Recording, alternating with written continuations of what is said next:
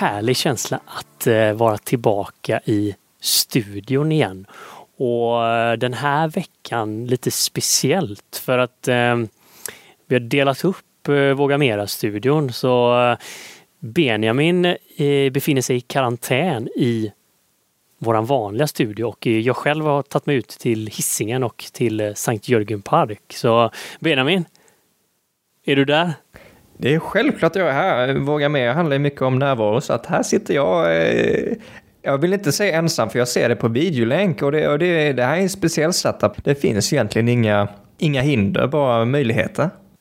Det är ju lite essensen av varför den här podden finns ju. Det är för att vi vill pusha oss själva och eh, pusha varandra till att ja, men, utvecklas eh, kroppsligt och mentalt men även som den här gången tekniskt. Vad är relevant i dessa tider? Det gäller ju think outside the box. Ja, och det här är också lite grann essensen av, av entreprenörskap och, och, det är det som är så himla fint för dagens samtal, Mikael, det, det har ju verkligen den här essensen med, med, med egenskaper från en entreprenör. Men det är, ju, det är ju riktigt roligt att vi har två superentreprenörer och superinspiratörer till, till veckans avsnitt som verkligen utmanar både samhälle och mentala strukturer och verkligen invanda mönster kring ja, men lite känsliga ämnen, kan man säga så Benjamin? Men absolut, både Jakob och Isabelle eh, Saturnus som gästar dagens avsnitt, eh, de är ju här för att eh, egentligen bekämpa människors lidande och miljöförstöring och samhällets oförmåga och eh, deras kraftigaste verktyg är det är egentligen med, med ekonomi. Va? Hur kan man själv greppa tag och styra sin egen ekonomi och börja få in passiv inkomst? Bo gratis är en slogan de står för man kan ju inte annat än att bli lite så här, okej, okay, går det att bo gratis? Går det att inte ha några utgifter och ja, vad är det Jakob säger? Kan man klara sig på att jobba fyra timmar i veckan? Och eh, jag känner ju det att de här frågorna du, du ställer nu Mikael, eh, vi vill ju egentligen hoppa rätt in i det här samtalet. För här bollas det ekonomi och här bollas det ledarskap och här bollas det eh, passion och meningen med livet. Det, det, det, här är ett samtal som jag verkligen har sett fram emot. Och det var ju faktiskt så att vi såg fram emot det här så mycket så att vi var ju en hel vecka för tidiga när vi skulle först spela in det här samtalet med Jakob och Isabelle. Du lovade att du inte skulle berätta det, Benjamin. Det var lite pinsamt eh, när vi kom där eh, eh, verkligen i tid, stolta över oss själva och knackade på dörren och de inte var hemma utan deras son öppnade. Men gör man fel så gör man rätt och eh, veckan därpå så var vi där och blev väldigt varmt inbjudna. Så eh, den biten är faktiskt inspelad hemma hos dem. Så jag tänker att vi hoppar raka vägen in, Mikael, till deras uterum. Och sen så känner vi på stämningen för dagens samtal om att bland annat bo gratis.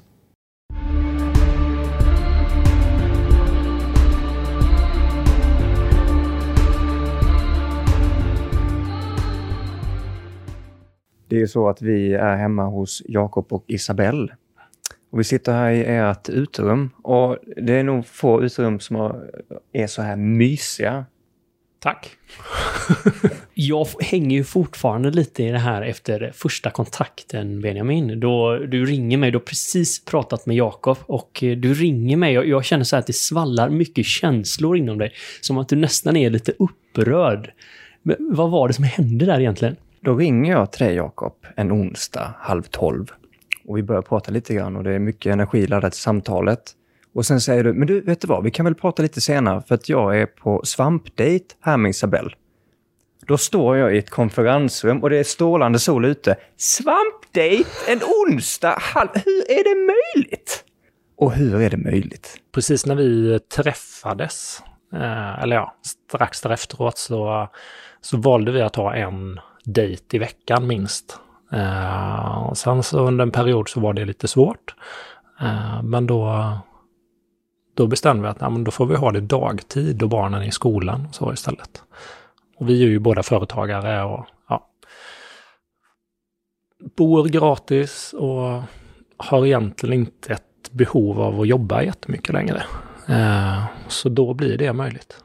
Tänk att kunna ha en dejt mitt på dagen. Vilken, vilken lyx kan man se det som. Eh, och lite grann dagens ingång idag är, men många kan ju känna att man är fast i det här att man, man jobbar för att överleva. Man överlever inte för att man jobbar, eller hur man vänder och vrider på det. Eh, och här finns det en viss typ av frihet. På en hemsida så står jättemycket spännande på mainhome.se. Det var tre lite ledande ord som jag vill läsa upp här. Vi vill bekämpa människors lidande, bekämpa miljöförändring och bekämpa samhällets oförmåga. Just det här med eh, människors lidande får mig att tänka lite grann på att vi har ett samhälle som kanske jobbar med att vara reaktiv med mediciner istället för proaktivt. Och här känns det som att det ligger en nyckel någonstans som ni har klurat eh, lite grann på. Ja, alltså det är ju en del av min livsvision. Och min livsvision är att jag lever ett långt, lyckligt och enkelt liv. Där jag känner mig produktiv och harmonisk tillsammans med andra. Jag tjänar pengar på människors lidande, klimatutmaningar och eh, samhällets oförmåga. Men inte genom att skapa dem utan genom att bekämpa dem. Eh, och det har ju, eftersom Main Home var mitt första företag, eh, så har ju det blivit visionen i bolaget också. Anledningen till att vi lever det livet som vi gör idag, det är ju att vi båda hade haft ett ekonomiskt sinne och sparande på ganska olika vis, både jag och Isabelle. Eh, men när vi sen träffades så valde vi att ja, flytta ihop. Ehm, då halverade vi vår boendekostnad. Och genom att vi dessutom då skapade vår första uthyrning i garaget i det här fallet, eh, då fick vi en uthyrnings eller en hyresintäkt som betalade för resten av vårt boende.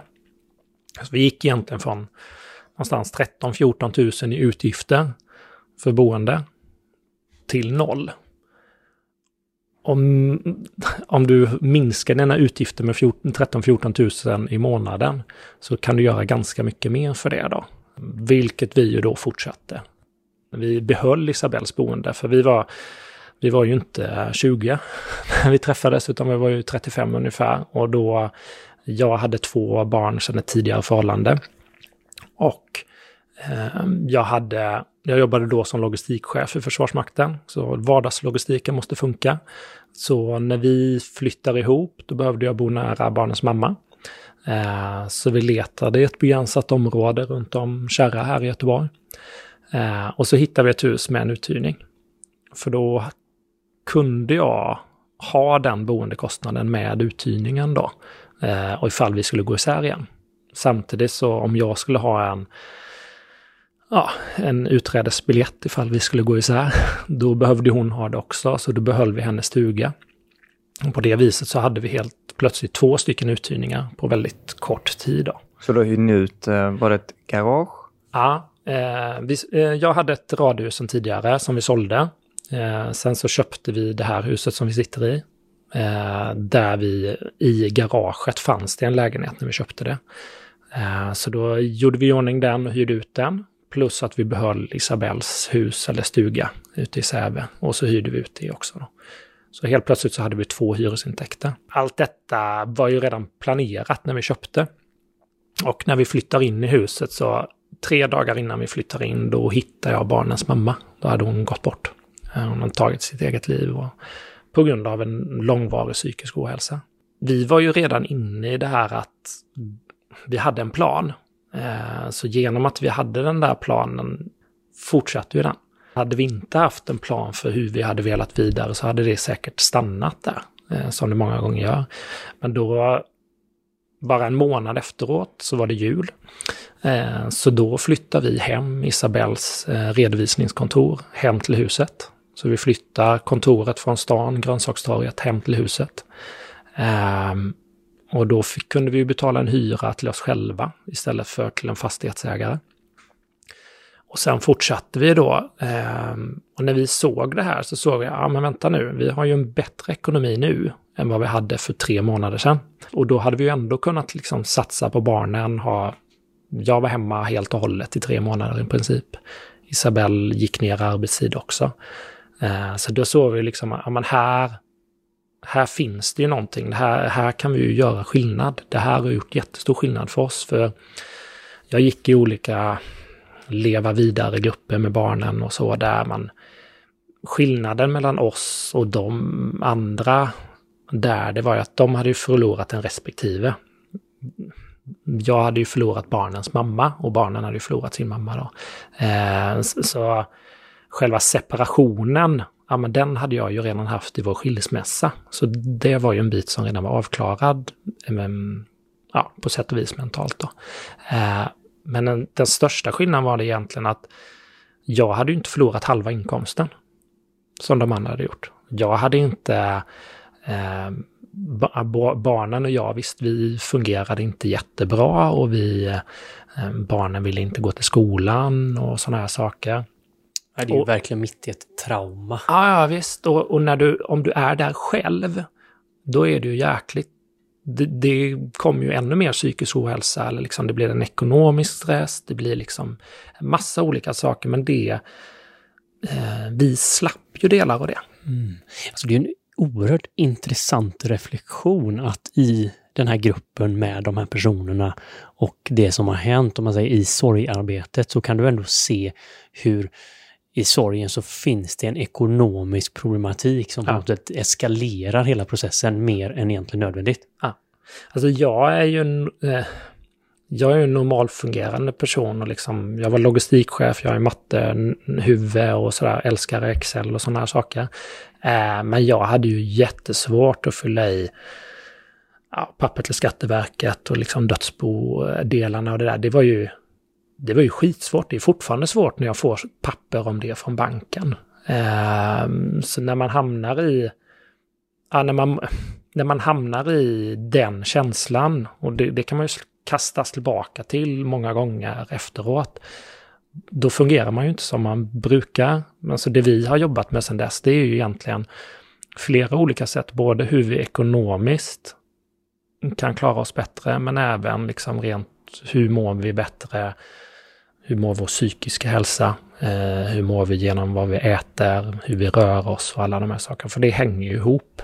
Eh, och det är väl egentligen både hur vi då gör privat, men det har vi ju velat ta vidare till att hjälpa andra med då. Och då gör vi det genom Mainhome.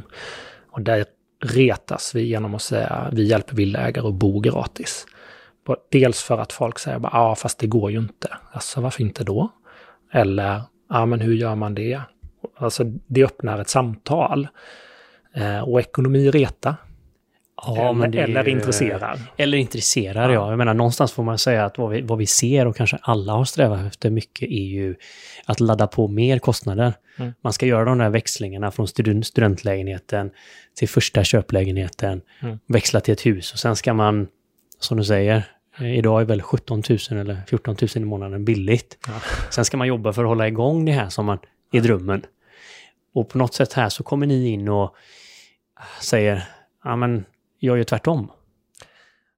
Ja, det är ju lite att våga gå mot strömmen. Men det är ju liksom nästan våga... provokativt. Jag menar, jag, ja. jag tänker, vi kollar på Lyxfällan för två, eh, två dagar sedan, jag och sambon, ja. och så ser man bara hur kostnader trillar in. Och här säger du, Jakob, på tre månader så tog vi bort 16 000 som var en kontinuerlig kostnad för oss. Mm. Men då tänker man bara wow, tänk om alla lyxfällar hade kunnat ha en annan typ av mentalitet. Ja, och förmodligen ganska mycket mer än så. För eh, om du... Att flytta hem vårt kontor. Isabella har ehm, en skatt och redovisningsbyrå som vi båda jobbar med idag. Eh, genom att flytta den, hon hade 4 000 i hyra i månaden från sitt företag då, till en fastighetsägare. Genom att flytta den hit till vårt hus. Om vi skulle tagit 4 000 själva i hyresintäkt, nu tog vi lite mindre för marknadsvärdet lite mindre här ute.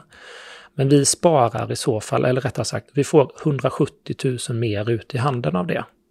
När vi räknar på att istället för att betala 4 000 till någon annan så betalar vi det till oss själva. Det blir en kostnad i bolaget. Ehm, som får vissa effekter i bolaget. Eh, vi behöver inte ha parkering i stan.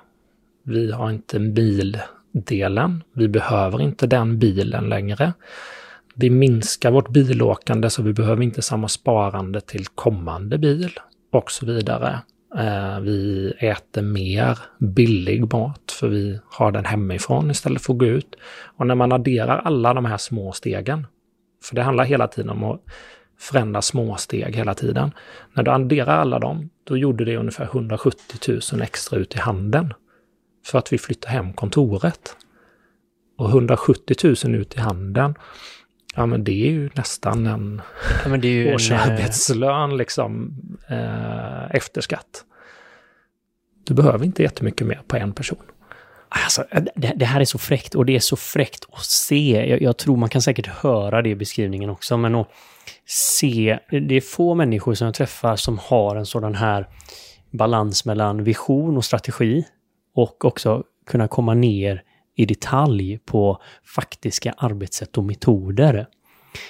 Har du fötts med det här eller vad har lett in dig på den här banan egentligen? Jag vet inte, men jag har alltid gillat utveckling. Eller jag har alltid... Jag har haft, jag har haft ett miljönördintresse. Eh, för mig har eh, familj, tillhörighet alltid varit viktigt. Jag är uppfostrad i, på en bondgård med fyra stycken syskon. Eh, en ganska kristen familj, så det var mycket liksom ja, men, tillsammans, församlingen, olika sådana saker. Så jag tror säkert att jag har många, många värderingar därifrån. Jag har tävlat i jujutsu, eh, så jag är ganska tävlingsinriktad, men min tävling är väldigt mycket mer mot mig själv, att jag vill pressa mig själv till nästa steg då. Så jag är inte så... Jag kan säkert upplevas som att jag tävlar mot andra, men det är inte, för mig är inte tävlingen mot andra, utan det är att jag vill utveckla. Jag, jag tycker om att åka längs motorvägen och se på vägbyggen, för jag kan se liksom hur det har förändrats varje gång. Jag gillar det där och se det där lilla steget som leder till den stora förändringen. För att en, en kompis till mig som heter Niklas, han eh, sa när jag, när vi startade Main Home att eh, en sak ska du veta att det du tror att du kan göra på ett år, det kommer du aldrig uppnå. Men det du gör på tre till fem år, det är så otroligt mycket mer än vad du kan fantisera om idag. Något sånt där. Mm. Och det tycker jag, det fastnade hos mig och det Ja, jag hade ju aldrig gissat att vi skulle sitta här. I det här utrymmet. Så han hade rätt, Niklas? ja, det kan man säga att han hade. Väldigt många olika sätt. För det är ju en sån eh, härlig frihet, är det du säger, en liten förändring. Det är som den här snöbollen på berget som börjar rulla litet och den blir större och större för den får med sig mer snö i varje rotation. Mm. Eh, och att bara flytta kontoret gav liksom en så stor effekt. Mm. Om vi tar tillbaka lite grann till den här svampdejten onsdag ja. när jag ringde. Hur fan kan man vara i skogen och plocka svamp halv tolv när jag står här i ett konferensrum? Exakt. Nej, nej, men alltså allt, um, allt du vill ska växa eller utvecklas måste du lägga tid, pengar eller energi på.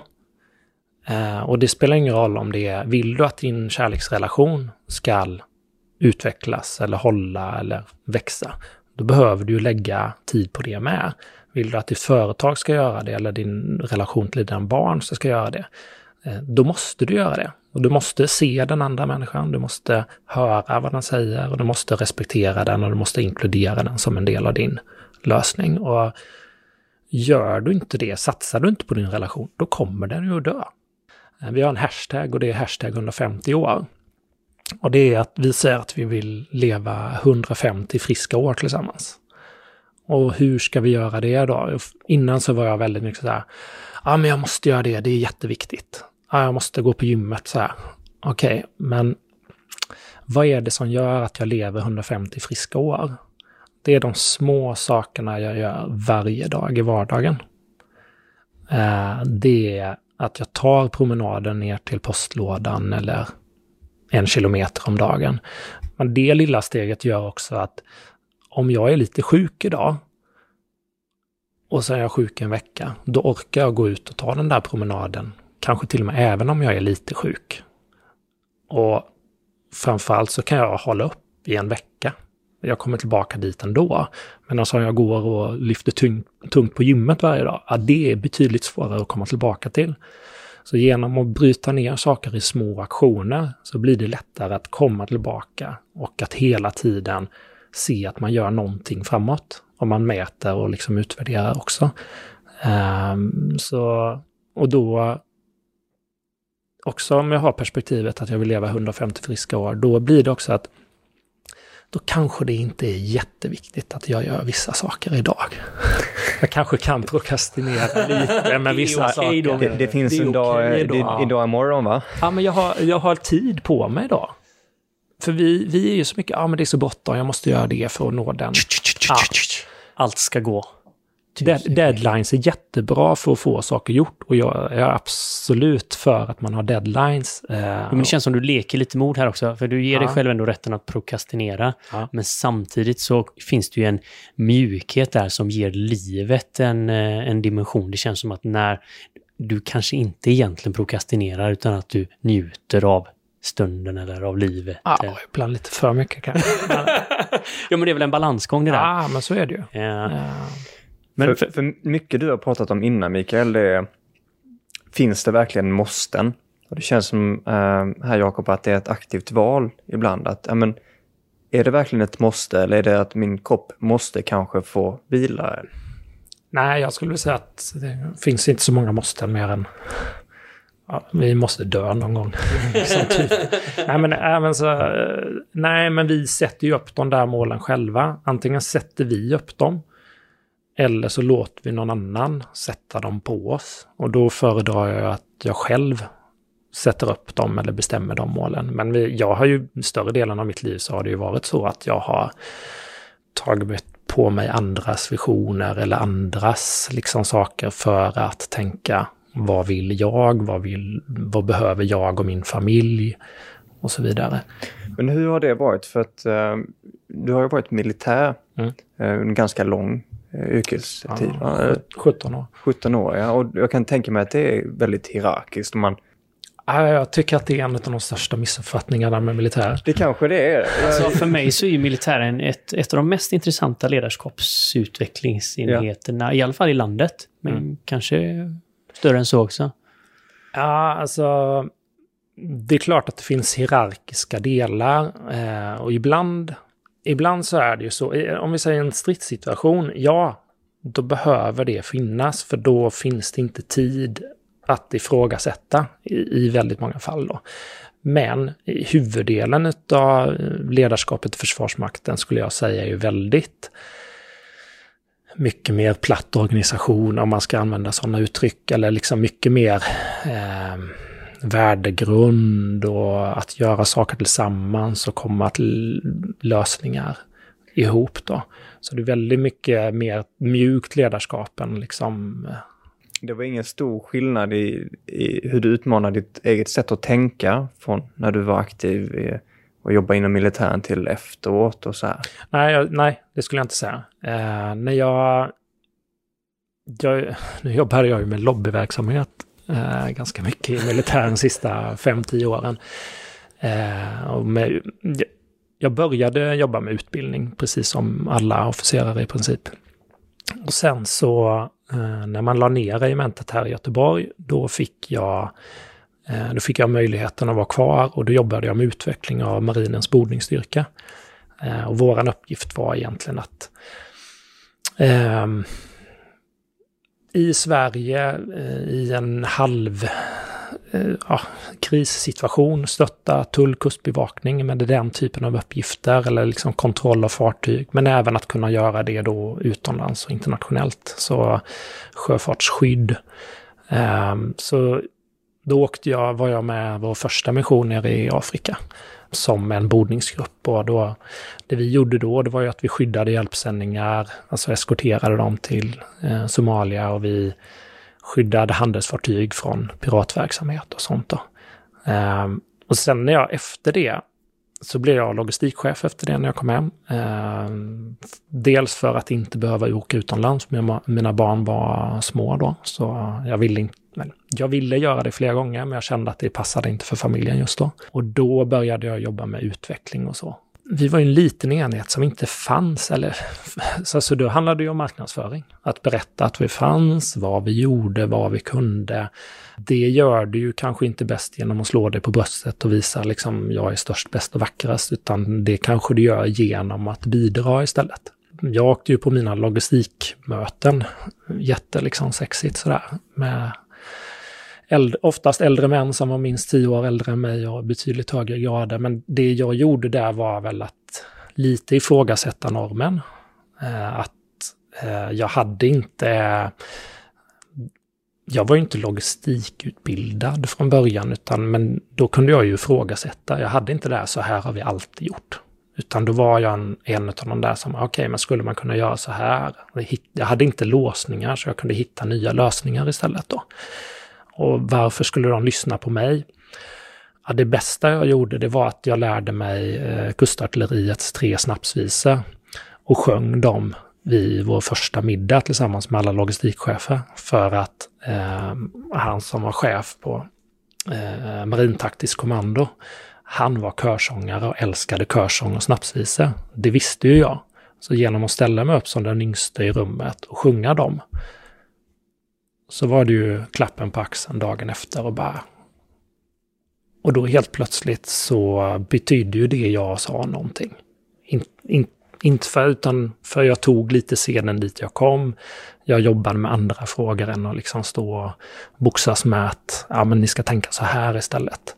Jag kan känna igen mig hur jag inte gjorde de här manövrerna utan använde alltså, extremt mycket energi till att på något sätt rebelliskt egentligen mm. fighta för något som jag ansåg var rätt eller mm. var lite emot. Eller man skapar friktion kanske. Men, men jag, alltså, jag var så liten i sammanhanget, så om jag skulle få förändring så var jag tvungen att vara den där lilla myran som satt i elefantens öra.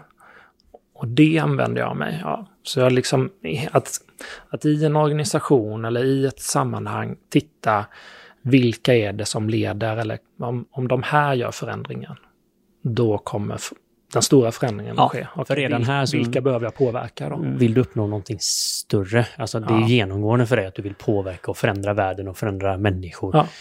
Och, och, det gör man det genom att fightas och vara en motståndskraft? Nej, jag har inte tid att vara i opposition. Jag har inte tid att vara i opposition. Hela 150 år eller? Nej, men alltså det är mycket lättare att eh, mycket enklare att förändra någon genom att vara kompis än att vara motståndare. Eller det är klart, i väldigt många sammanhang, jag har ju många av mina kompisar som kanske är lite mer åt det blåa eller borgerliga hållet. Eh, de har ibland frågat mig om jag är typ vänsterpartist eller sosse eller miljöpartist. Medan de som kanske är åt andra hållet tror jag att jag är moderat eller kristdemokrat, centerpartist. Så jag kanske alltid är lite contrarian. Eh, ja, ja, för den ena kollar på, din ekonomiska del, du har pratat pengar här och, och så, och den andra tittar på... Du ska Nej, gott utan mer min, kanske min retorik och vad jag... Okay. För jag, jag ifrågasätter ofta. Och jag ifrågasätter inte för att jag tycker att saker är fel, utan jag ifrågasätter för jag har en nyfikenhet. Alltså okej, okay, men hur menar du? För att det är först när jag börjar ifrågasätta normen eller det, som de som då säger att det är så här du ska göra för det är bäst. Kan inte de svara på det då? Kan inte de ge vettiga svar så kanske det finns något annat som en annan väg liksom. Eh, så jag, jag ifrågasätter ju inte så för att jag inte tycker lika eller liksom sådär, utan jag vill ju höra en argumentation för varför jag ska göra så. Man kan ju nog känna det på samtalet också, för ibland kan man ju kan någon ifrågasätta för att man vill trycka ner eller stöta bort eller vinna. Oftast vill många kanske vinna på något sätt. Mm. Uh, men om man gör det på ett byggande sätt istället, att okej, okay, vi vill ta den här konversationen till nästa nivå. Mm. Det vill säga, kan vi kanske lösa något problem här istället för att bara förstå att det är ett problem? Mm. Kan vi börja prata lösningar istället för en problematik? Jag tycker det är väldigt genomgående nu, sen vi satte på mickarna, att en stark grej är att eh, som jag tar till mig här, Jakob, det är att ha en strategi. Mm. Eh, och både då med eh, main home och att man bryter ner strategin till delar som man faktiskt kan ta och liksom mm. En strategi är ju massa små aktiviteter, små byggstenar som sitter ihop i en lång rad. Och, den, och eh, samma där genom militären också. Det var också egentligen mycket strategi vi, vi kom ner på. Mm. Och jag tänkte vi skiftar fokuset lite grann till Eh, med strategi till att leva till 150 år ja. och att se över val för vardagen. Och eh, om man nu kan få en liten befrielse från de här kanske eh, ekonomiska tyglarna som, som sitter runt en. Vad gör man då med tiden?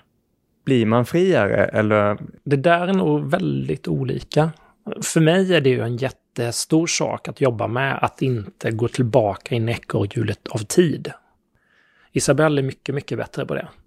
Det kanske har med hennes reumatism att göra, att hon vill ta det lugnare, hon behöver vila mer och så vidare, medan jag har mer energi på ett annat sätt. Då. Men jag kan ju gå tillbaka till ekorrhjulet i att jag blir så engagerad i någonting som jag tycker är viktigt.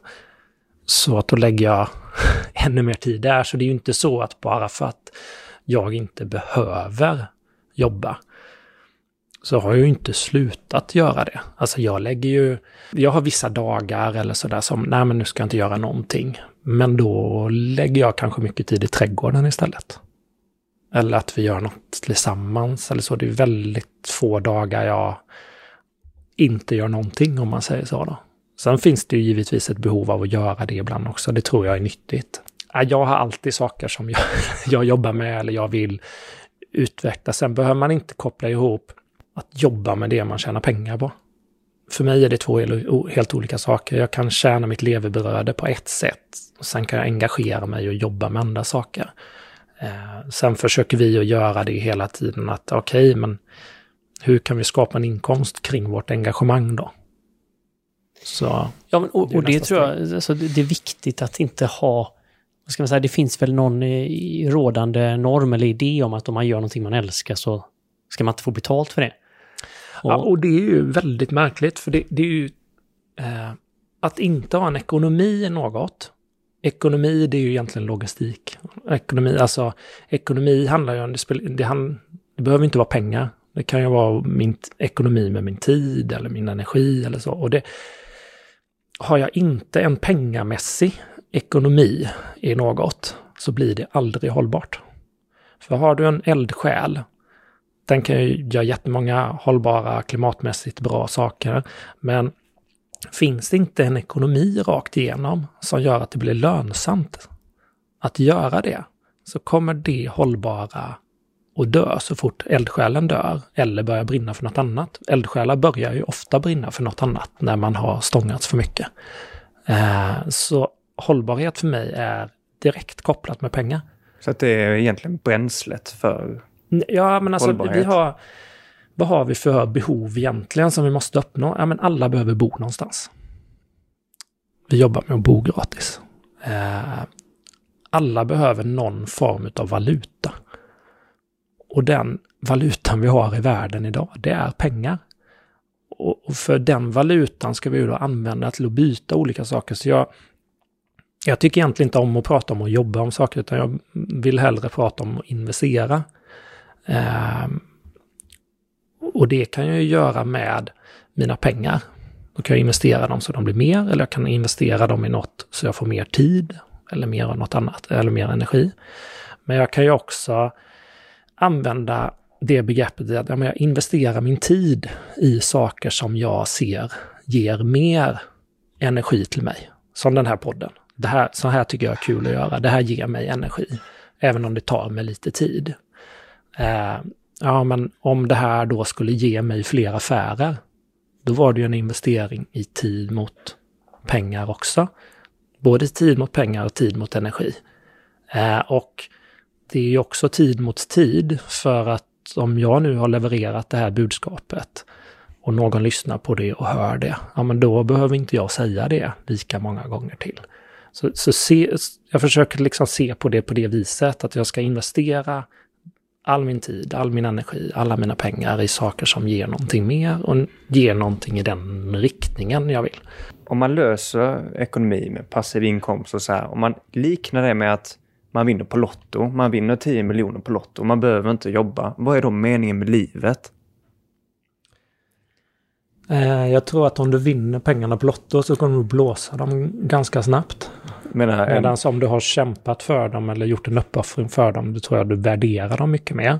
Men meningen med livet, eller ja, vad gör jag med min tid? Alltså, för mig så är meningen med livet att påverka världen till det bättre. Eller att eh, hjälpa mina barn till en bättre situation än vad jag hade.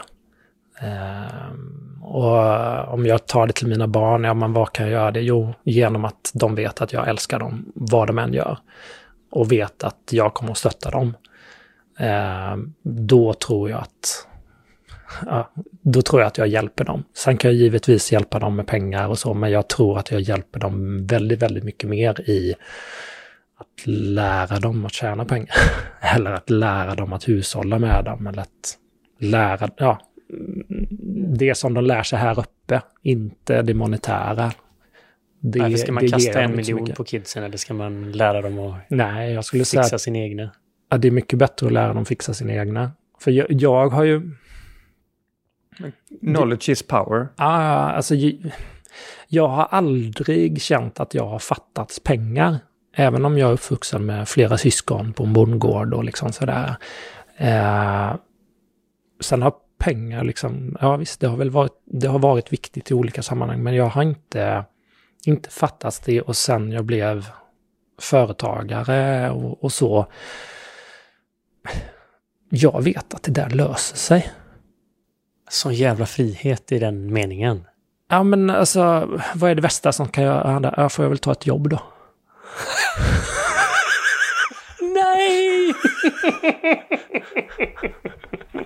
Ja, ja, men det är inte värre än så liksom. Nej, det är det ju inte. Um... Ja, för det är så mycket rädslor. Jag menar, många lyssnar säkert på det här och eh, då känner man att eh, kanske att det nästan är lite utopi att, att kunna ta sig så här. Men det är många rädslor att forcera på vägen. Mm. Men jag har ju alltid jobbat med droppens väg. Den lättaste vägen för mig. Alltså, jag är mattehuvud, relativt fysisk. Ja, visst, det var lättast att göra som mamma och pappa sa hemma, så då gick jag till kyrkan och satt i kyrkbänken och hade tråkigt och då blev jag mer kreativ i huvudet. Eh, jag hjälpte till hemma på gården.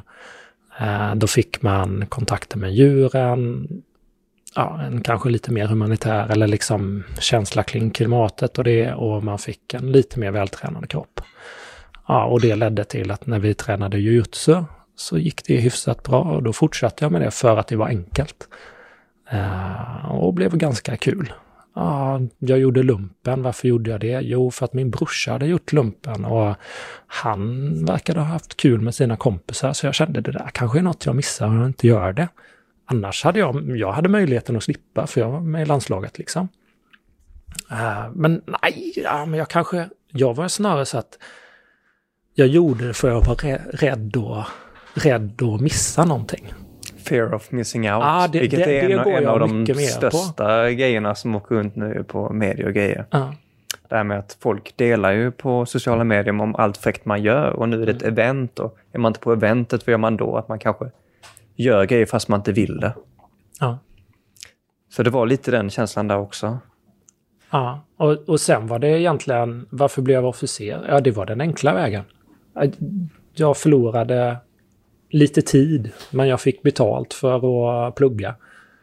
Och jag hade ju kommit in på skolan för att någon sa till mig att jag skulle söka. Det, alltså, så för mig har... Och, så jag har alltid gått den enklaste vägen. Och när jag sen träffade Isabelle och vi flyttade ihop och hon ville... Det var hennes idé att vi skulle ha en uthyrning. Ja, det kan vi väl ha. Så det är, det är någon form av bananskalsstrategi? Ja, ja, ja, ja. Hela vägen. men den, den är skitskön tror jag, för många känner så här, men hur fan ska jag börja och vad ska jag göra? Och... Man kan snubbla på det där och, och kicka igång bara enklaste. Jo, men jag har gjort. Jag har gjort saker. Och det är ju det som är, vad ska jag börja? Jag börja att göra saker. Det är ju det som är skillnaden. Du kan tänka och fundera hur mycket som helst. Det är ju väldigt få personer som har blivit stora genom att tänka. Tänka eller klaga eller älta. Ah, och klaga. Klagande tror jag är en jättebra strategi för att åstadkomma ah. mycket. Klagande är ett prioriterat sätt att umgås för huvuddelen av befolkningen. Men det är ju den tråkigaste mentaliteten att umgås med. Eller? Men den dagen man kommer man på det så har man... på samma sak tillsammans, för då kan man ju enade ja, ja, klaga. Gemensam fiende. Jag tänkte vi skulle se ihop lite grann på, på er visdom.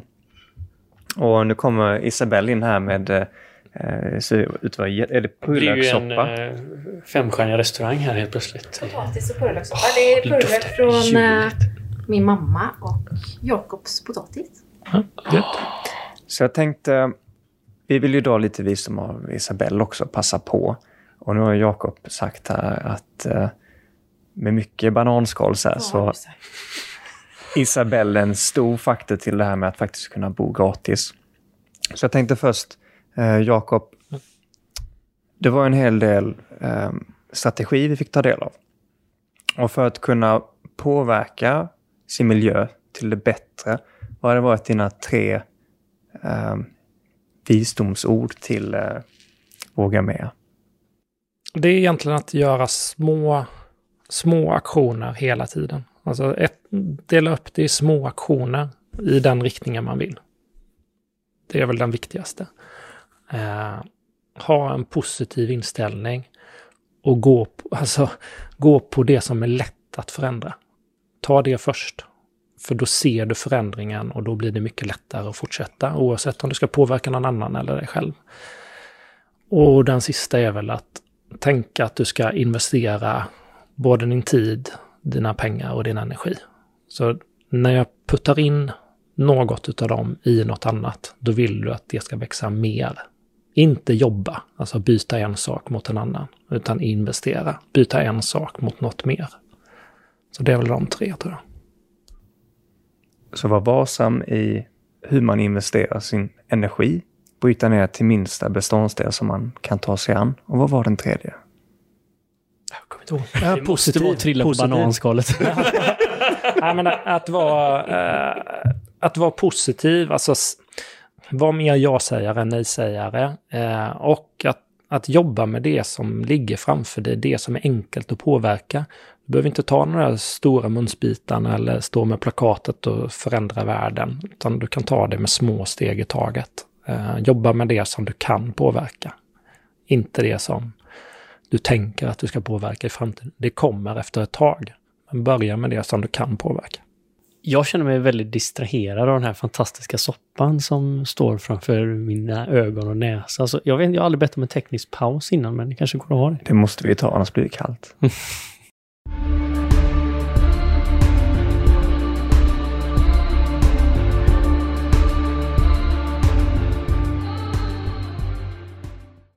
Vilken fantastisk purjolök och potatissoppa vi fick ta del av där i, pausen. Tack. Vad fattigt det låter när man fick en soppa när man kom hit. Ja, men det var ju väldigt... Eh, jag älskar soppor som är lite, alltså lite kraftiga, alltså inte så här att eh, de är svåra att lapa upp med, med skeden. Ah. Och det här var ju verkligen en, en kraftig soppa. Under middagen så började vi då prata lite grann om allt från yoga till eh, ekonomi till tips. Och, och vi har ju en guru med oss här när det kommer till att eh, eh, faktiskt få med sig Jakob på, eh, på tåget till att börja få in passiv inkomst. Ja, vi Det var, inte, ju... alltså, det var inte så svårt att få med honom på det tåget. Nej, det fick vi ju höra innan att Jakob Alltså- hänger ju på massa tåg. Det är så här, locka med så här bra pengar. Det är inte så jättesvårt att få med folk på det kanske. Men du låg lite Men- före här. Alltså, innan, innan vi hoppar in i det, tror du att han hade, hade han gjort det utan dig eller har du på något sätt varit katalysatorn? Eh, ja, det kanske är att han hade hittat dit eh, en dag själv också. Alltså för att han är ju ändå en, en sökande person som, som gillar att lära sig nya saker. Så det är mycket möjligt att han skulle kommit fram till något liknande själv med tiden. Men jag hade ju lite, alltså lite försprång eller vad man ska säga, i och med att jag ändå hade jobbat med eh, både redovisning och beskattning och så. Jag visste ju en del om eh, privatuthyrning och så. Sen hade jag även gått, faktiskt kan jag tipsa om, eh, balansekonomis kickoff med Jan Bolmesson, han som driver eh, Rika Tillsammans-podden. Så han hade jag varit på en kickoff med och där pratade han en del om ja, men hur man kan skaffa typ olika typer av intäkter som inte är kopplade direkt till din tid. Så att eh, eh, där pratade han också om uthyrning, att skaffa uthyrning i sitt hem. Ja, för det är ju det temat som vi varit inne mycket på, det här när man faktiskt separerar de här två faktorerna, intäkter och tid. Ja, Vad som börjar hända och öppna upp sig då. Ja, men sen är det ju lite så här också att om man har skaffat sig det, så att man har olika typer av intäkter som inte är kopplade till min tid, då har jag ju möjlighet att göra vad jag vill med min tid på ett annat sätt. Och då kan jag ju tycka att det är lite härligt att skaffa sig eh, alltså ett arbete som också är en hobby. Eh, jag tänker så som du har gjort med att du gillade yogan. Och då har du skaffat liksom ett jobb kring det. Och, så, och det är ju ganska bra när man är egenföretagare för att då blir ju alla kostnader avdragsgilla helt plötsligt. Ja, men alltså den här upptäckten, när den trillade över mig för Ja. Ett år sedan kanske, var ju helt sjukt. Det är nästan så jag inte vågar prata om det. Jo, berätta. Ja, men liksom, Berätta nu för alla när man, när man, när man eh, jobbar, då, vi, kan, vi använder ändå det ordet för att det är väldigt relaterbart, Mm. eh, med någonting som man tycker om. Ja. Det, då, då blir det ju en liksom skatteparadis. ja, eller hur? Det var ju samma när vi började investera i träd i Afrika. Då kan man ju åka dit och titta på dem. Man måste ju prata med växter för att ge dem lite Alltså, de koldioxid. mår mycket bättre då. Mår- Titta på en fabrik i Ahmadabad, Indien. Ja, men det, man måste göra sina audits. Ja, måste vi göra audits. Min, min kollega kallar det alltid, ja det här är fan med bara industriturism Mikael, men vi ska ha det bra när vi är här. Tyvärr har inte jag fått turista så mycket. Det har varit tjocka ol oljedimmor i Indonesien. Men, Skaffa eget företag. men Isabelle, Ja. det här drivkraften till att söka information inom de här områdena. Mm. Varför är det här viktigt för dig? Från början så var det nog eh, att jag... Jag fick en diagnos med min re reumatism när jag var kanske 27 år gammal.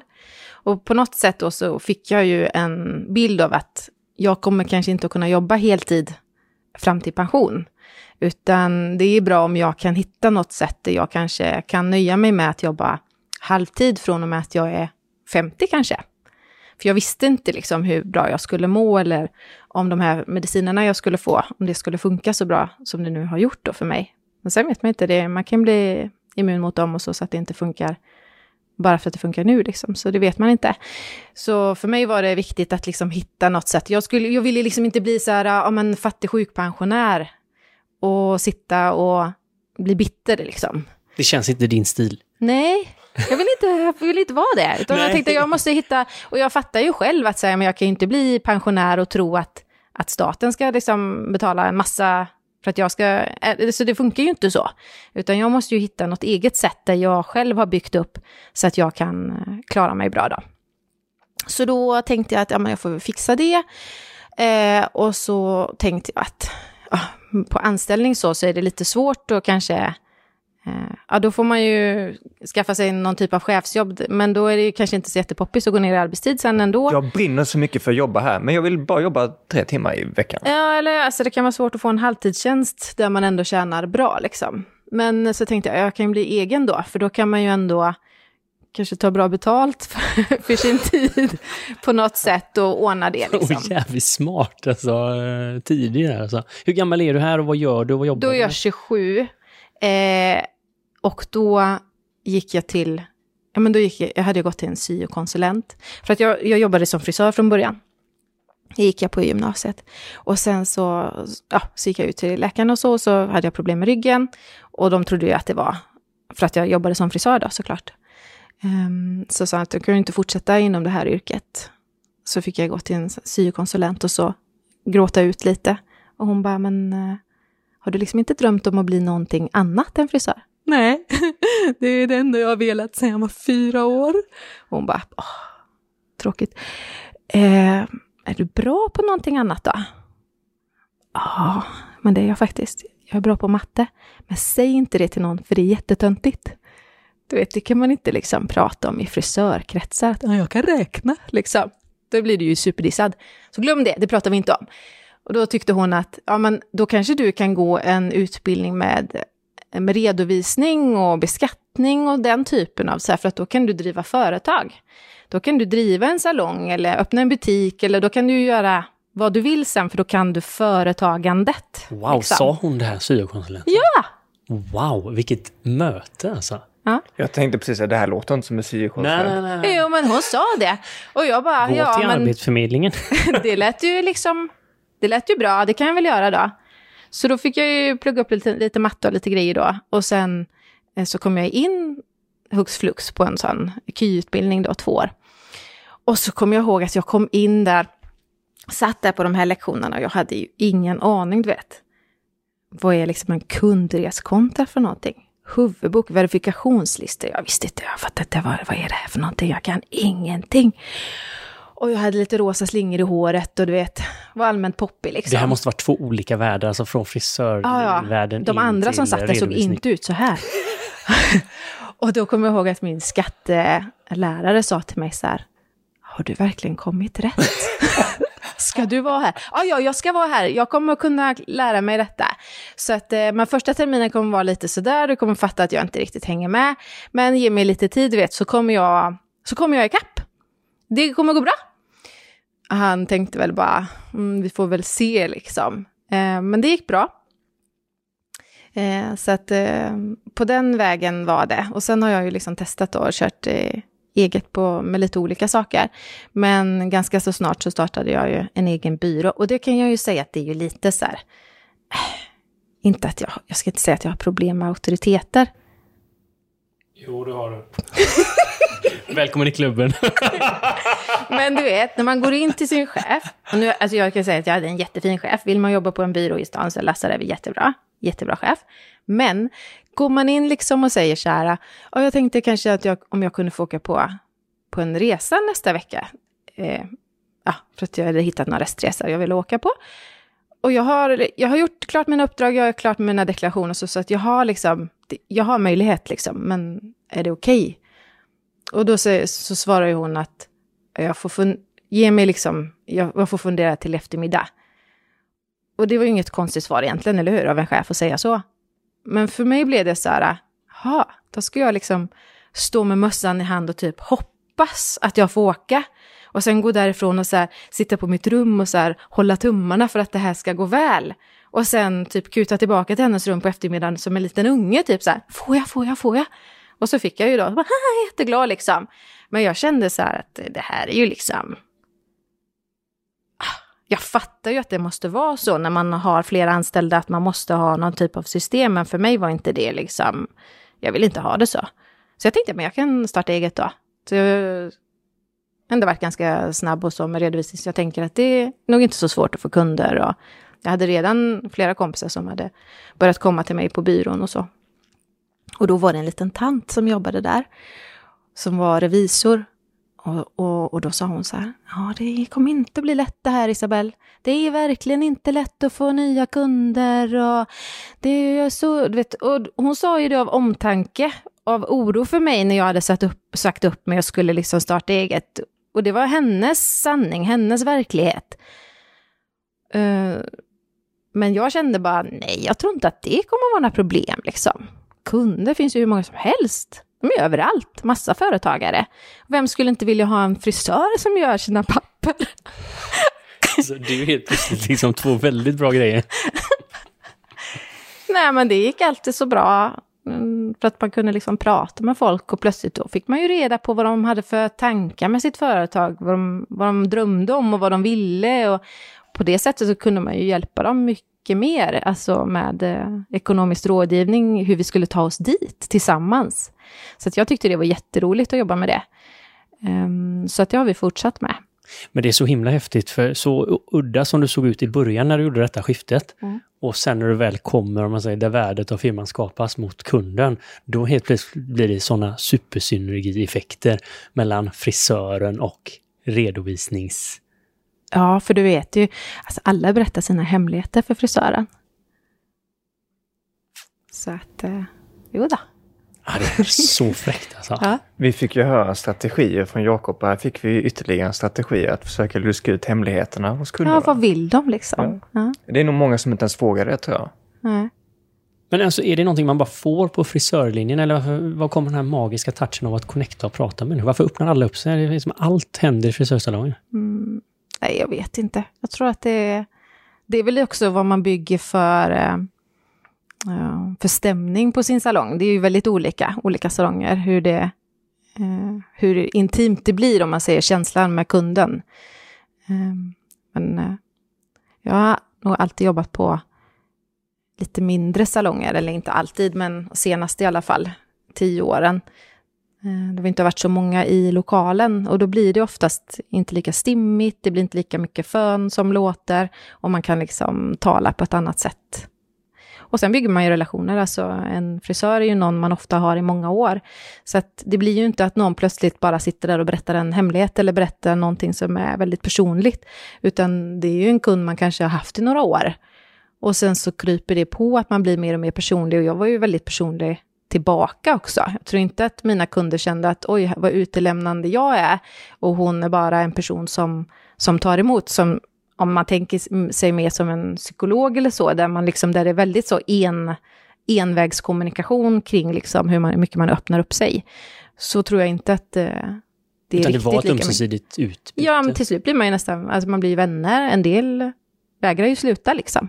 Det är ju folk som kommer hit. Och när jag berättade att jag skulle sluta så var det en dam som så här, ja men jag vet vart du bor. Vad nej, hjälp! jag bara tänkte, jag ja har höjt prislistan med det dubbla.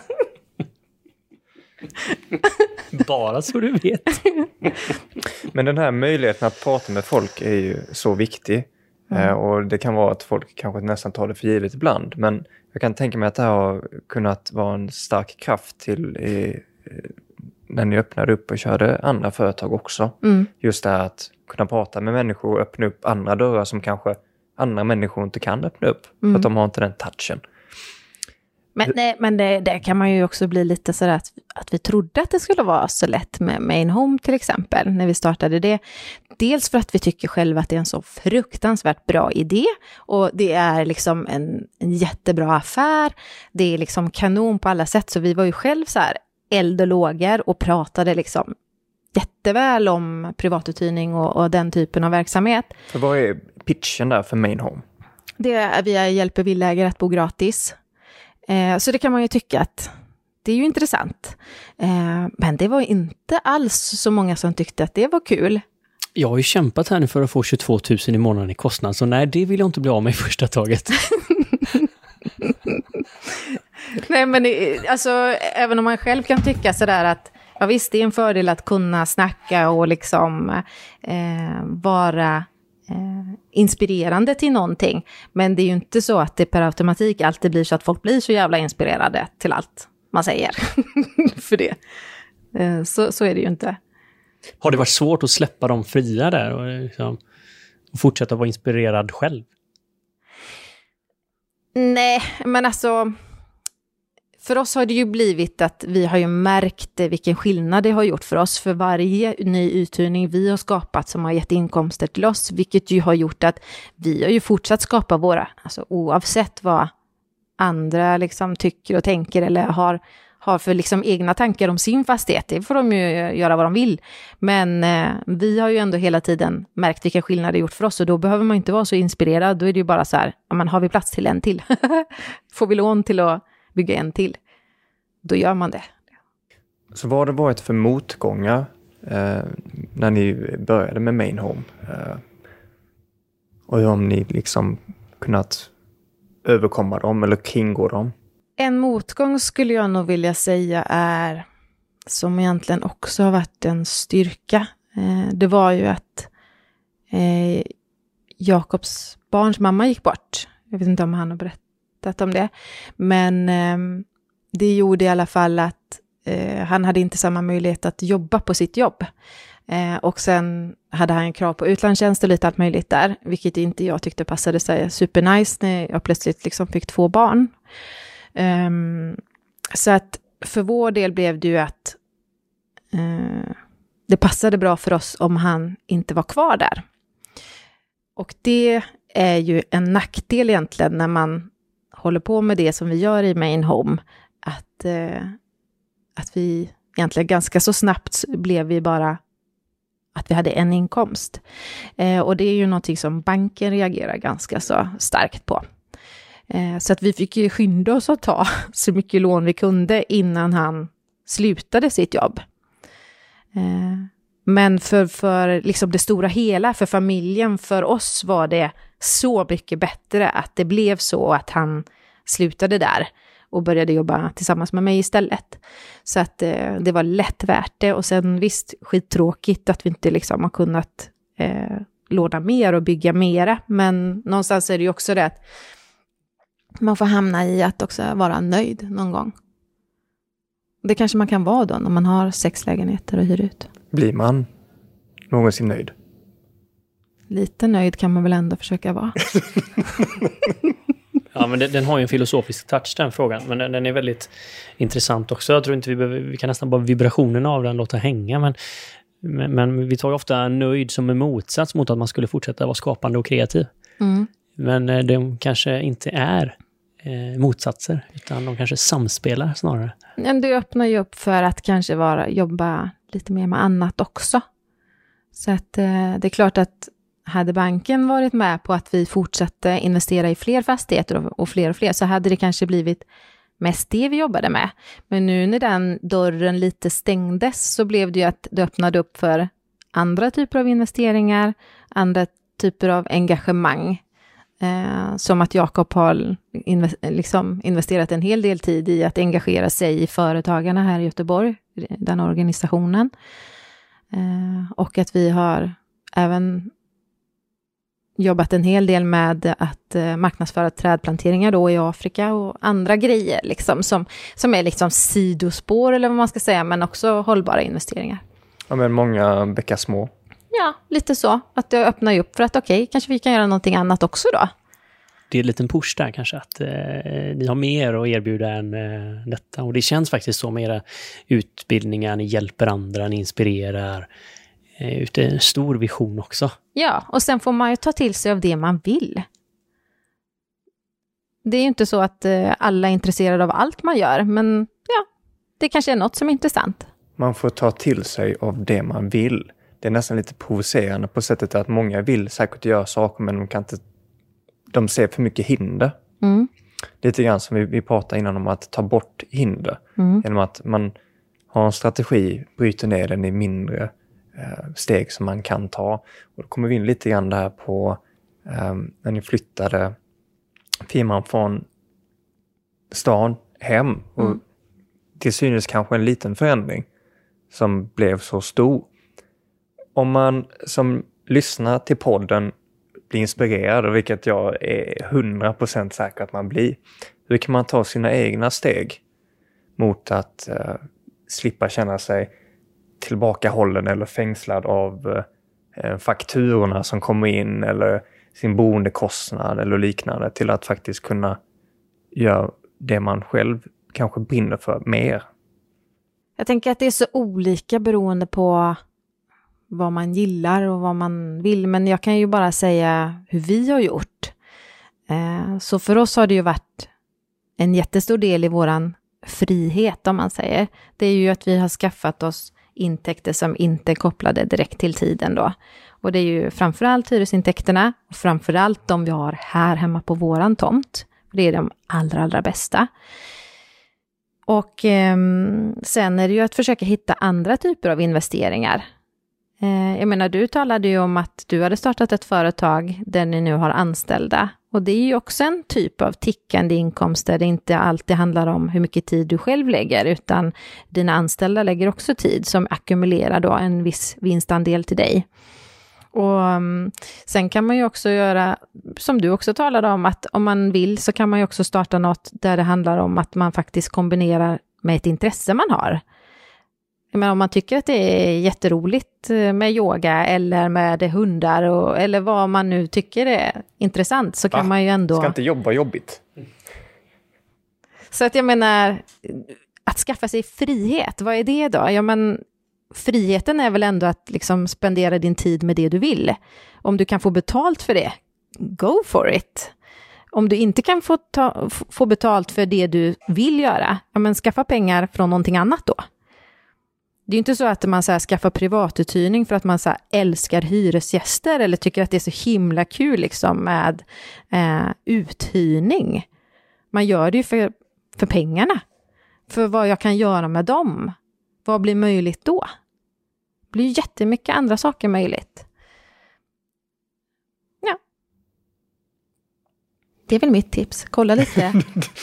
Ja, men eh, alltså, eh, ni, ni båda är oerhört inspirerande och eh, jag tror att eh, det är svårt att undgå detta. Men, men det är ett härligt eh, lugn också. Det finns en nöjdhet som jag tycker känns eh, riktigt skön. Eh, inspirerande. Det är sällan man träffar faktiskt. Så att, verkligen roligt. Och jag tänker så här, om man vill fortsatt bli inspirerad, kan man komma i kontakt med någonstans hur eh, kan man lära sig mer av, av er resa? Vi har en eh, blogg på mainhome.se där eh, Jakob ofta skriver, men ibland skriver jag också. Och, så där kan man hitta jättemycket om de här olika delarna i, i våra liv och, och hur vi försöker att hela tiden tänka mm, vart vill vi och eh, vad vill vi göra med vår tid och vilka vill vi umgås med och sånt här. Som gör livet liksom rikt på olika sätt. Eh, så där tycker jag att man absolut kan börja. Det finns jättemycket gratis information. Och sen eh, tycker jag att man kan följa oss på antingen Instagram eller på Facebook, för där lägger vi ut ganska mycket faktiskt. Eh, flera gånger i veckan. Eh, olika inlägg om olika saker vi gör och sådär. Så att det, det, är väl där vi är mest inspirerande skulle jag väl säga. Så vad är det då? Det är, på, på Instagram så är det main, är det understreck home? Main understreck home. Mm. Och på Facebook är det ju bara main home då, med stora bokstäver. Nej, sen tycker jag ju om man vill bli inspirerad till privatuthyrning, då ska man ju absolut köpa våran eh, webbkurs som vi har. Eh, den går igenom alla de här delarna med vad man behöver tänka på. men ni behöver ju inte göra samma misstag som vi har gjort. Utan eh, där gör, kör man liksom som en liten genväg kan man säga. Så där får man lära sig allting om hur det är smart att bygga, eh, vilka skatter är det som gäller, eh, vilka civilrätts, civilrättsliga regler är det som gäller med privatuthyrningslagen eller den vanliga hyreslagen och så vidare. Så vad gäller med en hyresgäst och så. Så att eh, där kan man där kan man lära sig det mesta om hur man kan liksom skaffa sig en, en framgångsrik uthyrning. Så tycker man att just det är intressant så kan jag absolut rekommendera webbutbildningen. Men vilka härliga tips här Isabella. Jag såg framför mig en stor sån här djungel med tätbevuxet och lianer och ganska stökigt när man tänker på hur man faktiskt kan ta sig an det här. Mm. Och nu ser jag att det börjar öppna upp sig lite grann. Och för folk som eh, intresserade och vill eh, söka med, det här låter som ett alldeles kanon bra förslag att, att kika vidare på. Mm. Eh, jag är jättetacksam över denna konversation vi har fått ha idag. Grymt inspirerad och jag ser här i ögonen på Mikael att eh, nu blir det kanske andra planer framöver, eller vad säger du? Det här har ju varit någonting som tryckt inom mig i många år. Men jag har hittat få eh, inspiratörer på det här ämnet. Mm. Så det här har verkligen gett eh, mer bränsle till den här elden. Är du seriös? Ja. Har det här tryckt i flera år? Ja. ja det, det är därför jag inte kan sova om nätterna, för bara fan, det måste till nu. jag bor inte gratis, så jävla upprörd. Jag har varit jag upprörd i flera år över det. Själv, alltså. Vad roligt sagt. Känner inte du så då? Självklart. Men jag tänker ju att om Mikael bor gratis kan jag flytta in dit sen. Ja, du kan nej, bli då, hans nej, första hyresgäst. det blir jag som betalar. Då. ja, det inte. Den första hyresgästen. Jag föll det. Ja, jag kommer och... samla på mig sådana gratis hyresgäster. nej, och mitt tips till dig då, det är att han har ingen besittningsrätt. Yes! du kan kicka ut honom när du vill. Yes! Så utan besittningsrätt så tackar vi för dagens samtal och eh, det känns lite tråkigt att plocka ihop från den här underbara studiemiljön i ert uterum med de här, eh, vad heter det, vin... Vinrankor. Vinrankorna i taket mm. och alla de levande ljusen runt omkring oss. Jag tar med mig en sjukt härlig energi härifrån och från det här boost-rummet. Det har varit som att vara på retreat. Så tack för att ni kom. Tack. Tack. Tack så mycket.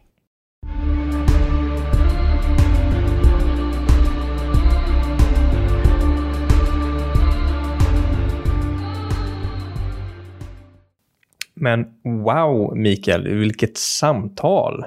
Alltså de här två är så himla inspirerande. Ja, och jag känner en sån grym tacksamhet faktiskt till podden här, för att det här var ju ett uh, förslag från uh, Karl Agge som var med i ett av uh, de, de första avsnitten i, i podden.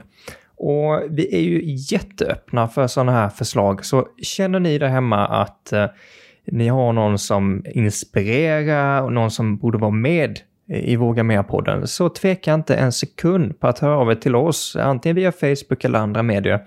Pitcha den här personen för oss. Ja, för det är ju så att eh, när det trycks på play, Benjamin, då är det oftast du och jag som pratar, men allt annat som händer mellan avsnitten, det är ju det här fantastiska communityt av människor som vågar utmana sig själva och vågar inspirera varandra.